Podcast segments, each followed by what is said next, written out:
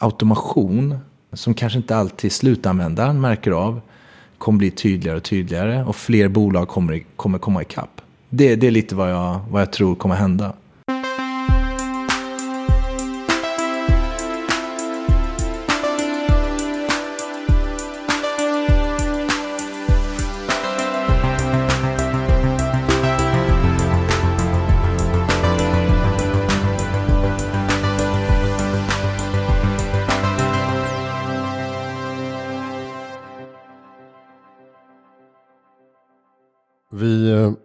Provar att rulla igång när det är Framtiden med Christian von Essen. Sitter och spelar in på Kitchen Studio, Roslagsgatan 23 i Stockholm. Eh, mittemot Sebastian Karlsson, välkommen till podden. Tackar. Medgrundare i någonting som heter eh, Mirovia, säger man så? Ja, det stämmer. Mirovia är supposed to be eh, superhavet som omgav eh, Pangea en gång i tiden när vi hade en, en, en enda superkontinent. Så att, eh, vi gillar touchen och vi gillar just tanken på ett superhav. Superhav, det är bra. Kan vi hoppa in där direkt då? Vad är Mirovia? Och, eh, för ni grundade det här mitt i pandemin. Du och Said Esmarzadeh och lite andra människor. Vad var grundtanken där? Nej, men jag har jobbat, eh, kommer från storbolagsvärlden. Tidigare har jag jobbat på Canon, jag har jobbat på, på PVC. Eh, och sen så har jag jobbat i Serendipity-sfären. Jag har varit eh, vd och interim vd för, för några av våra portföljbolag. Eh, och jag och Said har ju diskuterat möjligheten att göra någonting ihop. Alltså ännu, ännu tajtare. Vi har alltid varit på en armlängds avstånd. Han som, eh, som investerar och jag som, som då, den som driver bolaget. Det vi tittar på det var egentligen styrkan i små och medelstora bolag. Så att eh, det vi gör det är att titta på jäkligt duktiga entreprenörer i extremt nischade IT-konsult och mjukvarubolag. Så att ofta upp till 100 anställda, extrem lönsamhet, väldigt, väldigt tydlig nisch och duktiga entreprenörer som vi vill fortsätta jobba med. Det är vad vi gör. Mm. Så att vi började i september och gjorde våra två första, tre första investeringar innan årsskiftet 2020. Och nu håller vi på att stänga ytterligare tre investeringar eh, närmsta två veckorna. Och då går ni som aktiv delägare då? Ja, alltså vi tror väl på, alltså vi vill vara ett bollplank och facilitera möjligheter eh, för, för de bolagen vi investerar i. Men samtidigt så tror vi på, eh, på självstyre. Eh, vi kan inte ERP-konsulter är bättre än vad våra entreprenörer kan.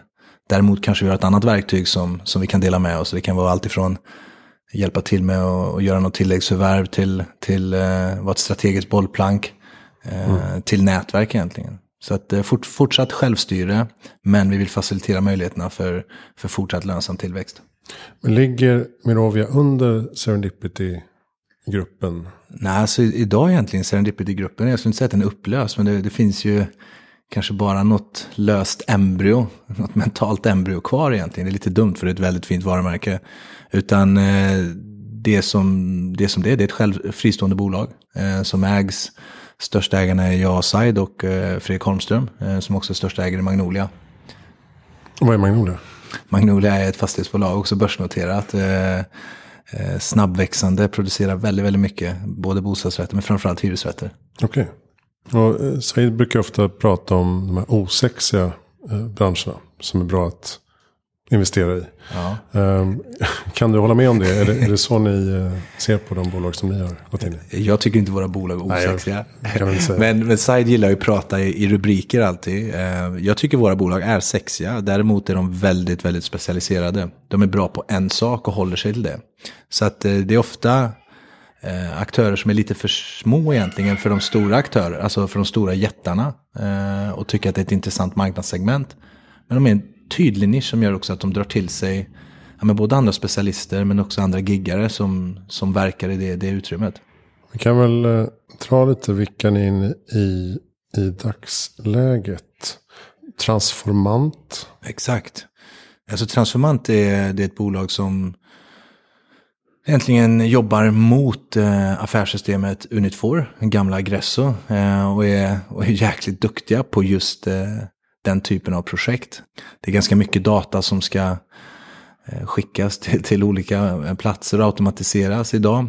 Och ett ERP-system håller ihop egentligen alla datakällor som finns och är kritiska för ett företag. Så att de är specialister på, på just Unit 4 Egresso. Jobbar också en hel del med robotik, alltså det som heter RPA-mjukvara eller Robotic Process Automation. Eller en digital medarbetare skulle man kunna säga. Och ERP-system är alltså stora affärssystem? Ja, stora affärssystem. Så att eh, blir du ett bolag som är, är, lite större, då måste du ha ett, eh, ett affärssystem. Det räcker inte bara med ett ekonomisystem, utan affärssystem kan ha tidrapportering, projektredovisning. Eh, det kan vara att du har en producerande verksamhet eller en enhet som på något sätt ska skicka in data i, i affärssystemet. Då. Så att det är ekono ekonomisystem på steroider kan man säga. Ja, just det. Kundregister och allt i ett. Um, Lemon Tree automatiserar processer som gör att våra kunder kan öka förändringstakt och kvalitet i sina digitala tjänster. Ja, det låter men, fint. Vad betyder det? Nej, men, men hårdraget kan man väl säga att eh, testning, det är det de gör. Alltså testautomation är de jäkligt duktiga på. Eh, både på metodik och ta hjälp av teknik och sen också att de har extremt duktiga um, ingenjörer som jobbar hos dem. Men ska man bryta ner det så är det så att allting vi använder, alltså applikationer på din, på din telefon, eh, du loggar in på, på en internetbank eller eh, du ska logga in på ett eget, ett eget system på din dator. Oavsett om de ligger i nätet eller om de ligger på din eh, desktop. Så är det ju så att sista delen av när man har utvecklat en mjukvara, då ska det testas. Eh, och det är först då egentligen du upptäcker ja, men buggar och kan rätta till de delarna. Mm. Eh, och det krävs ett ganska tränat öga för att det är svårt att förutsäga hur slutkonsumenter kommer använda och nyttja olika applikationer. Så då måste man testa nästan varenda utfall som, som, som går att testa eh, innan man då egentligen releasar det. Så att om man får säga så, slutkund eh, som använder ska, ska, ska klara av att använda applikationen. Mm. Och sen har vi BizLoop som eh, är inom då där Robot Process Automation som mm. vi pratade om. Och, och, RPA är någonting som kommer mycket, eller kärt barn har många namn. RPA, BPA, alltså Business Process Automation eller Robotic Process Automation. Eh, mycket namn, det det egentligen är, det man kan säga att det är en digital medarbetare. Eh, det är extremt mycket uppgifter idag som görs eh, manuellt, som inte skulle behöva göras manuellt. Det är mycket filer som ska exporteras ur system X och importeras i system Y. Eh, och det är helt egentligen värdelöst att en, en människa som är hög, ofta högutbildad ska göra den typen av arbete. Mm. Så RPA är egentligen det. Det är en digital medarbetare som kan göra de här enkla repetitiva sysslorna gång på gång på gång. Så det behöver inte nödvändigtvis handla om AI då? Ja, det beror på vad du definierar som AI. Eh, jag kan ju tycka det är artificiell intelligens att ta någonting, alltså, alltså egentligen ställa in så att en robot trycker på, på en viss del och, och tar med den här filen och flyttar över till en annan del. Om man mm. ska, om man ska ordna det. Sen, sen tror jag folk definierar AI på, på hundra en sätt. Men, eh, men i, i de enklaste av former så skulle jag säga att RPA är definitivt det. Och eh, vad är det ni går in i härnäst då? Kan du berätta någonting? Eh, det är alltid lite känslig med information, men det vi tittar på kan jag säga att eh, vi tittar på att förstärka våra närvaro inom, inom eh, ERP-området, alltså affärssystem. Eh, vi vill täcka ännu fler olika leverantörer av affärssystem. Just nu är vi väldigt duktiga på Unit 4, men vi vill täcka andra aktörer där ute utan att säga för mycket. Eh, vi tittar också på att slutföra två större investeringar i eh, ett bolag som jobbar med kundtransaktioner eller kunddata inom bankfinansförsäkring. Eh, det är ofta stora mängder data som ska uppdateras i realtid. Men om du klickar in på Avanza och kanske ska lägga en order på, på, en, på en aktie så är det väldigt, väldigt mycket data som ska hämtas, lämnas och det ska göras extremt snabbt så att du som slut, slutanvändare känner att ja, men det här är en bra tjänst. Den typen av, av lösningar kräver ett ganska, ja, det krävs extremt bra digital infrastruktur. Eh, så där håller vi också på att slutföra några investeringar. Mm.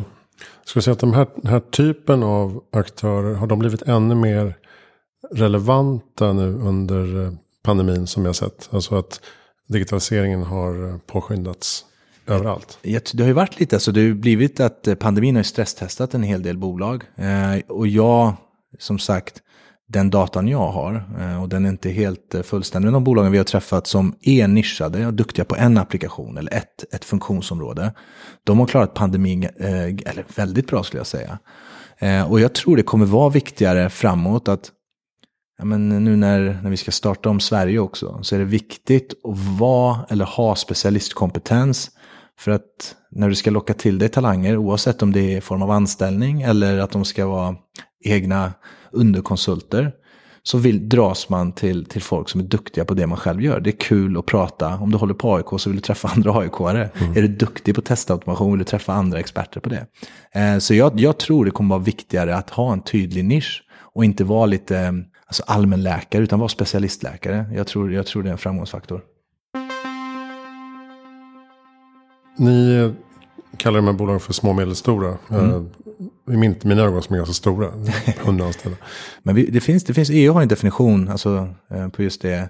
Du har mikrobolag 1-10 anställda, snarare små. 10-25 eh, och så medelstora upp till 250. Och sen kommer då det som kallas för large enterprise. Så att vi håller ju oss då SME i den, enligt den terminologin. Då. Ja, just det. Okej, okay, mikrobolag. Det, här. det är där man håller på. Ja, du, du, du är ett mikrobolag. Ja, onekligen um, just det, men, men du menar att den här kategorin är liksom de vi bör satsa på för, för framtiden? Så att säga. Nu är jag liksom ganska partisk i den här frågan. Men, men, men jag, som sagt, jag kommer från storbolag och jag märker att alla former av jag menar, PVC eller någon annan aktör försöker bli lite mer nischade och sexiga, så är det inte där de lyckas. PVC lyckas där de alltid har lyckats, revision och en viss typ av, av konsulttjänster. Eh, Medan jag tror att det här landskapet då med små och medelstora bolag som är jättenischade, eh, jag, jag, tror det, det, det, är vägen framåt eh, för många bolag. Och det är också, tror jag, härligt för många anställda att ha närhet till, oavsett om det gäller ja, men, beslut för gällande teknik och vilken teknik man ska jobba med, alternativt känna närhet till, till ett faktiskt resultat. Det, det kommer som sagt knyta an folk ännu mer och det är någonting eh, jag tycker jag ser också. Mm. Vad är eh, din bakgrund förutom storbolagen? Är du eh, specialist eller Generalist. Nej, alltså jag skulle säga alltså, specialist. Jag, jag tror att jag är rätt... Jag har jobbat mycket med alltså, go-to-market. Alltså hur, hur går vi till marknad? Och, och egentligen skulle jag säga att jag är någonting så är en säljare. Jag brinner nog enormt för att ja, men, sätta produkten, lösningen, så att den, så att den förenklar eh, ja, men, kundernas vardag. Eh, det låter kanske lite pretentiöst, men, men det, det är det jag tycker är kul med IT ja, men som sagt, om du sitter, vad vet jag, ja, men, du drar iväg några kundfakturer varje månad. Alla vet hur tråkigt det är att återrapportera betalfilen. Om det nu är så att du gör det, varför automatiserar vi inte det så att du kan göra någonting vettigare? Alltså du kan göra ytterligare Fakturera är det roligaste som finns. ja, men det är väl kul att se att pengarna kommer in kanske, men det finns så mycket saker som, som man inte borde hålla på med. Eh, och idag när tekniken finns, det, varför ska vi syssla med det? Och därför tycker jag just IT är extremt roligt. Mm. Vad var det här Homemaker som du var inne på mm. tidigare? Det, var, det var också ett bolag inom Serendipity-sfären. Okay. Eh, som var alltså en, ett innovationsbolag. Eh, startade från scratch. Eh, och eh, finns idag i hela Norden. Det är ett eh, mjukvarubolag, SAS då, som är väldigt, väldigt hett. Eh, och det är egentligen ett projekt-CRM Eh, där man också kan addera en modul för, för tillvalshantering när man köper eller renoverar lägenheter. Så projekt-CRM, en, eh, en 3D-webbshop som är unik för den lägenheten du besitter och sen ett ärendehanteringssystem. Det, det jobbar jag med i, i nästan fem år eh, innan det här. Och, och, som sagt, där har jag jobbat väldigt, väldigt mycket med, med den här typen av, av företag också. Och mot den typen av kunder som våra företag idag har. Så att jag vet om hur det är att vara entreprenör. Jag vet hur det är att ha ont i magen när, när lönerna ska betalas under, under eh, likviditetsdalar i juli, augusti. Mm. Eh, och jag tror jag har nytta av det idag. För att jag, våra entreprenörer som vi jobbar med, jag kan sätta mig in i deras situation på, på ett helt annat sätt. Och jag, jag tror verkligen att det är det som gör att entreprenörer vill, vill jobba med oss också. Vad tittar ni efter just när det gäller entreprenören då? Vad, vad tycker du kännetecknar en person som ni inte riktigt vet men som ni tror kommer att bli framgångsrik framöver? Det där är så roligt för det finns så olika typer av entreprenörer. Alltså det finns ju, jag tror inte det behöver vara en viss personlighetstyp. Vissa tror kanske alltid att du måste vara visionären som Steve Jobs eller lite Elon Musk. Eh, den typen av karaktär. Men, men så behöver det inte alls vara. Utan vi har i de första investeringarna vi har gjort, där har vi väldigt olika entreprenörer. Men, men, men, eh, Men ofta besitter de ju alltså ett, ett extremt ansvarstagande. Alltså de tar ansvar för var och varenda sak. Ibland blir de nästan lite kontrollfreak. Och, eh, och sen så har de en, en motor, alltså ett jäkla pannben och hela tiden fortsätta framåt. Eh, och där, där tror jag många som driver bolag känner igen sig i. Att det är nästan ja, 80% av tiden är det ju extremt mycket press.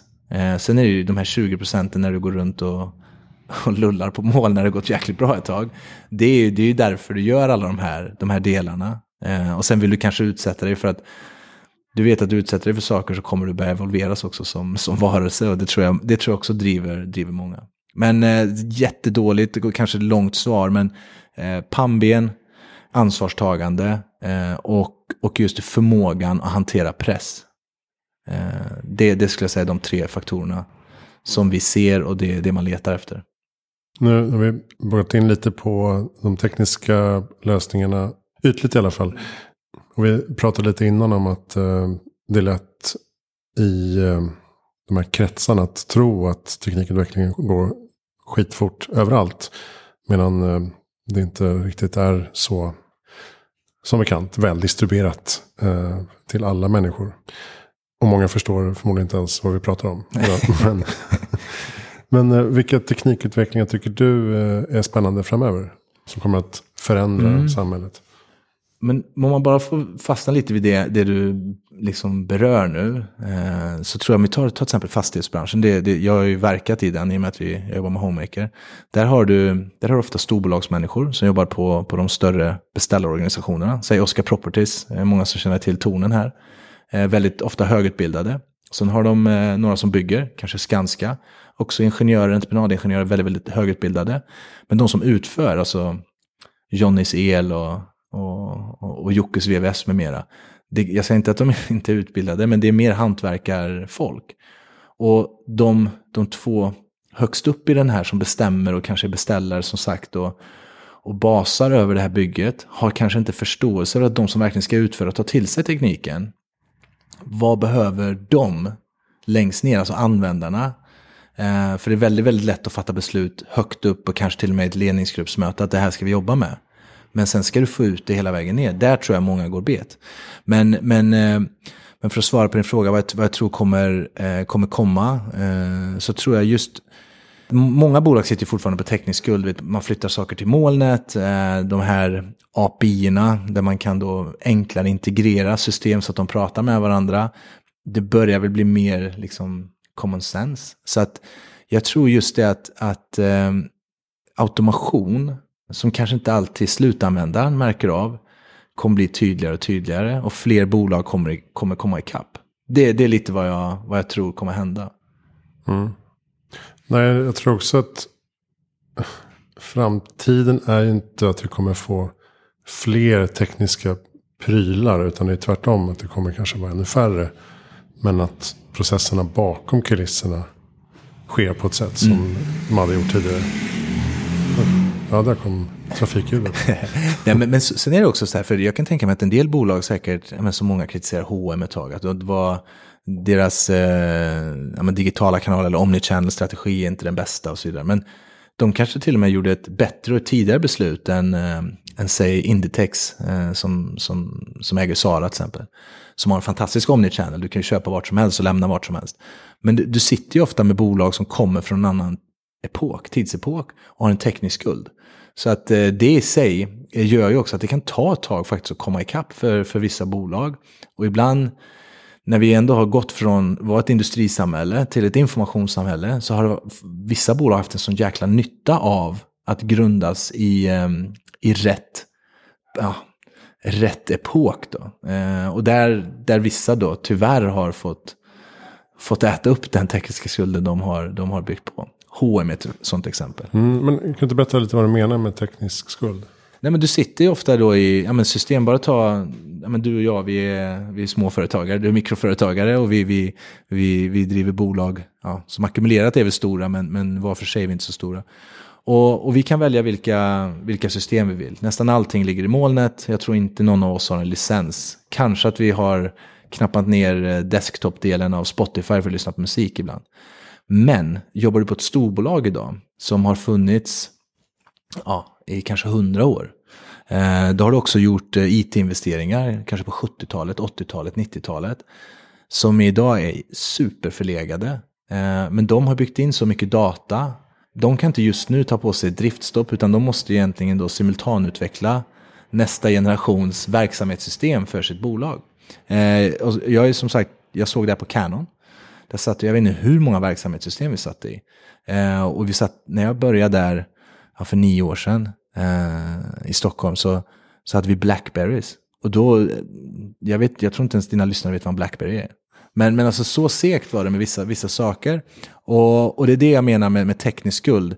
Det är egentligen inte deras fel, utan de var tvungna att investera i IT när IT var mycket sämre än vad IT är idag. Eh, och, och, där har då de här lite äldre bolagen, det har de med sig idag. Ja, och eh, traditionella branscher då, alltså vårdsektorn, även utbildning och som du säger fastigheter. Det är ju det är ett lapptäcke av system. Ah, ja, ja. Som inte bara går att byta ut rakt av heller riktigt. Nej, men det är alltså, många har säkert kollat när ni, när ni är på en flygplats och kollar deras system, Amadeus där. Det är ju, det är MS-DOS. Eh, eller Bloomberg-terminal, alla som jobbat inom finans. Det är också det är MS-DOS-system eh, mer eller mindre. Eh, men eh, det är svårt att göra sig av med dem och man ser kanske inte, ja, men vad är vinningen att vi gör oss av med dem? Eh, för att det går ju ändå bra som det går. Så det blir som du säger, man, man, kör, eh, man kör duct tape, man kör ytterligare, ja men vi kör ett täcke till, upp ett, ett, ett lager till eh, och så kommer man liksom inte riktigt ikapp. Jag brukar alltid fråga eh, vårt bästa tips för att göra världen bättre i framtiden. Alltså det blir ju jäkligt lätt att bli pretentiös i sådana här frågeställningar. Men, men jag gör ju det jag gör. Alltså jag, det är tydligt. Alltså jag, jag, tycker, jag tycker små och medelstora bolag lyfts fram för lite. Eh, nu när vi ska starta om eh, Sverige, eller hela världen, så är det just små och medelstora bolag där jobbtillfällen skapas. Alltså fyra av fem jobb i Sverige skapas i ett litet eller medelstort bolag. Jag tror inte, alltså folk glömmer lätt det, man, man fokar så mycket på saker, bolag som ligger på börsen eh, och storbolagen. Men den största tillväxten sker i små och medelstora bolag. Eh, det är också, tycker jag, en, en bra, ett bra sätt att integrera människor. Det är ett bra sätt att bli av, ja, men som, såklart, med arbetslöshet. Jag kommer från Värmland och nära Värmland ligger Dalsland. Där la de ner, av 12 pappersmassebruk så finns två kvar idag. Vilket har gjort att ja, men det har blivit ganska hög arbetslöshet och eh, ja, nu ska inte jag bli politisk, men, men SD har vunnit extremt mycket röst, röster där. Mm. Eh, och där blir det ännu viktigare att man får in entreprenörskap. För jag tror att det är det som är, det är fundamentet för att skapa ett bättre samhälle. Eh, så, att, så är det någonting som jag tycker förändrar världen och gör den bättre, det är just det att om fler blivit exponerade eller fått möjligheten att bygga bolag, Eh, så skulle världen bli bättre. Jag har haft jättemycket Eh, jag har haft eh, flyt och satt mig i situationer där jag fått umgås med människor som har men, brutit barriärer för mig eller har fått min, min hjärna fått paradigmskifte. Och, och min medgrundare, Saida, som jag sa, han, han, säger alltid det. Är det en upplevd risk eller en reell risk? Och jag, jag gillar det, jag har tagit med mig det för att en upplevd risk, det kan vara att hoppa från femman på badhuset. Det känns jäkligt jobbigt, men det är ju ingen reell risk. Men i och med att du ser rakt ner så känns det som att det här, jag kommer skada mig. Och det är lite samma med, med entreprenörskap ibland. Alltså är det en upplevd risk på grund av att vi ja, har med oss massa bagage från, från när vi var yngre? Eller är det en reell risk? Eh, och, och jag skulle vilja att fler får chansen eller blir exponerade mot möjligheten att bygga bolag. Så skulle jag säga. Mm. Hur Eh ska det gå till då? Nu ska inte jag sitta och kritisera skolgången och allting, men, men, men um, Ung Företagsamhet var ganska stort när jag var yngre. Jag vet inte om du kommer ihåg det? Ja, absolut. Um, jag var marknadschef. men men sådana initiativ överlag, um, där folk, det behöver inte vara svåra övningar, men att där folk förstår att ja, men köper in en Coca-Cola och tar den från butiken och vad vet jag, går till Vasaparken när det är varmt lokationsbytet på den här Coca-Colan har skapat värde som gör att du kan sälja den för mycket, mycket mer pengar. Om man får in det mindsetet och glömmer bort det administrativa eh, då tror jag man börjar bryta ner att det är ganska enkelt att syssla med entreprenörskap. Och idag när världen blir mer och mer teknisk eller mer digital så finns det en annan typ av människor som idag kan också bygga bolag. Förr kanske, jag ska inte säga alltid, men, men eh, ibland var det lite ja, men vik till människor som, som är lite, som jag sa, Steve Jobs, de som är visionärer, duktiga på vissa saker. Medan idag kan du faktiskt, men vi skulle nog, om vi brainstormar här i fyra timmar så kan vi nog hitta en produkt, eh, byta den från Alibaba och kanske om du har designkunskaper paketera den och sälja den mm. för att vi har, ja, för vi har skapat värde för, för mottagaren. Då. Så, så jag, jag tror bara exponeras mot det, om det är skolan, eh, om det är ännu större intresse, intresseföreningar, eh, alternativt att jag menar att, att alltså folk kommer ut i skolor, den, den biten helt enkelt. Alltså, jag tror det är superviktigt att exponeras mot det. Alltså, köpa en vara, sälja en vara. Bara börja där så börjar man förstå att eh, det går att göra saker. Ja, och som du säger, det finns ju förebilder men de är ofta väldigt högt upp i, i hierarkin så att mm. säga. Det är liksom Daniel Ek. eh, och det blir eh, lite väl eh, eh, långt avstånd kanske. Eh, jag, jag håller med. Så jag tycker om, om vi kunde då minska det, den distansen. Och det behöver inte alltid vara Daniel Ek. Och man kan prata om, men ta Löbers Löfbergs Lila i Karlstad eller någon annan, kanske mindre, mindre aktör i Karlstad, i och med att jag kommer därifrån. Att man får, får chansen att prata med de som har skapat bolag. Alltså bryta silotänket och, och få bort folk bara från den traditionella vägen. Alltså, du pluggar, går kanske storbolagsvägen, flyttar till Stockholm, Göteborg, Malmö. Du, det går, det finns andra vägar och det behöver man exponeras mot. Men, men jag tycker att det är svårt, för jag vet inte hur riktigt man ska göra det. Utan det blir ju alla de här intresseorganisationerna som är viktiga. Och sen belyst det, ganska, alltså, det blir ganska trendigt att vara entreprenör. Det i sig skapar både positiva och negativa saker. Alltså det blir lite så här wannaprenörer som springer runt och vill vara entreprenörer och kanske inte skapar något värde. Och det, det är inte speciellt bra det heller. Men, men däremot så belyser det frågan och att eh, folk i alla fall börjar tänka utifrån de banorna. Ja, det senaste året har ju också mitt i all eh, kris öppnat upp ganska många möjligheter. Och eh, tillgång till eh, arbetskraft, lokaler, utrustning, eh, nätverk och så vidare. Jag tror att vi kan se en ny våg växa fram efter den här pandemin? Absolut, jag tror att alla, alla branscher, hela besöksnäringen tror jag fått en, en jäkla knäpp på näsan och en tankeställare. Eh, ta tar vi ta hotellbranschen så har de ju alltid jobbat med att hyra ut och maximera per dag. De kanske måste tänka om mycket mer och ha mer longstay. Alltså en viss del av hotellets Alltså inkomstström måste komma från långsteg. De måste jobba mer avtalsbundet som andra branscher har gjort. Restaurangerna har verkligen behövt tänka till. Alltså de har ju blivit misshandlade tycker jag. Men, men återigen, det, det har skapat att folk har blivit väldigt innovativa.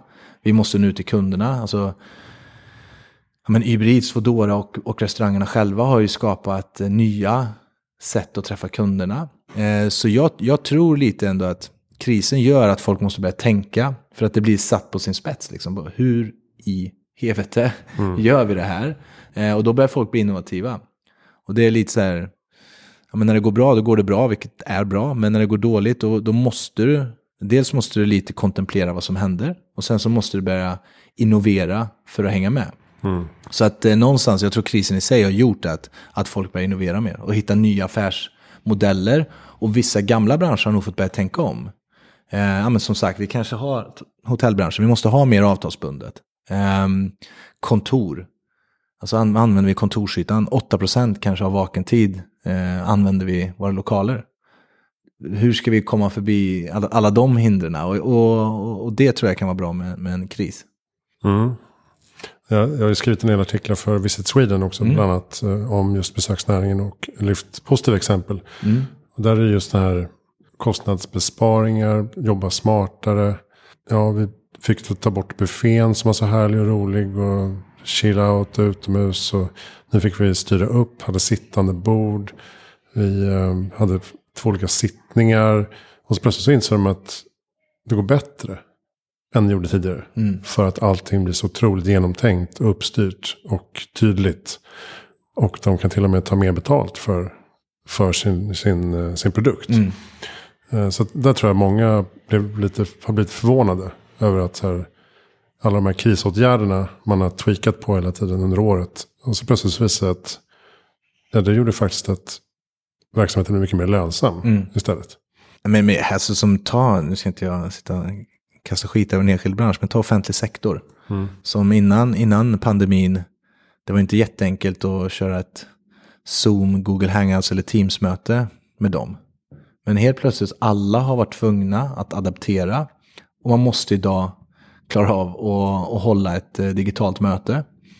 Vilket någonstans kommer minska att vi reser framöver. Vilket gör att vi kommer hålla ner kostnaderna. Alltså säljkostnaderna kommer inte vara vad de var tidigare. Så att eh, jag håller med. Så folk får börja tänka lite. Och folk måste också ta till sig teknik. Annars, annars blir du, du blir frånsprungen. Mm. Har ni bra um, lästips eller poddtips? Eh, ja, men som jag gillar, vi pratade om det tidigare, jag gillar ju mycket alltså, samtalspoddarna. Jag tycker ju Aron Flam är alltid intressant. Eh, jag gillar att höra folk som har olika meningar men får chansen att, att, att prata länge. Så då förstår du Navid, eh, Modiri och, och, Aron. Hur kan vi... Aha, exakt. Ja, just det. Och eh, Aron säger dekonstruktiv kritik. kritik. Ja, exakt. Ja, men så, så, så de, eh, de gillar jag starkt. Läsning, jag måste... Jag, jag skulle få skäll och bli utköpt om jag inte sa Miljardmakarna med Said Harskan. Eh, men, men jag, jag, tycker det är intressant och ett bra, ett bra exempel på när man kommer till, eh, till ett nytt land och tar för sig istället för att kanske ta en offerkofta. Så att, jag eh, får, får rekommendera den boken då. Mm, just det. Den har jag faktiskt inte läst, men den verkar bra. Mm. Vem tycker att jag ska intervjua? Jag tycker faktiskt eh, Daniel Wikberg på Upsales, eh, som är börsnoterat, ett, ett mjukvarubolag som har byggts helt utan eh, Alltså tillskjutet kapital, eh, gjort allting, tycker jag, by the book. Och är liksom en duktig entreprenör som både varit utvecklare och säljare. Eh, jag tycker hans resa har varit eh, jäkligt imponerande. Och, och, som sagt, jag gillar verkligen att han har gjort det helt utan externt kapital. Mm. Hur ser framtiden ut för eh, Mirovia nu de närmaste åren? Nej, vi gasar på som bara den. Vi håller på och ställa ut en obligation nu och eh, lösa finansieringsfrågan eh, för tre år framåt. Ehm, och vi, vi ser fram emot att växa med ungefär en, en, en halv miljard årligen eh, med 100 miljoner i, i vinst. Ehm, så att vi, vi, vi kommer gasa på. Mm. Tack snälla Sebastian Karlsson för att du kom till Heja Framtiden. Tack Christian. Mirovia.io. Eh, där hittar ni information om de bolag som ni jobbar med och investeringar och eh, kommer lite nyheter där framöver. Ja, det kommer. Inom väldigt kort. Inom väldigt snar framtid. Bra. Um, Hejframtiden.se hittar allt du veta om podden och mina projekt. Det är Christian von Essen. Tack snälla för att du lyssnar. Nästa vecka hörs vi med något annat.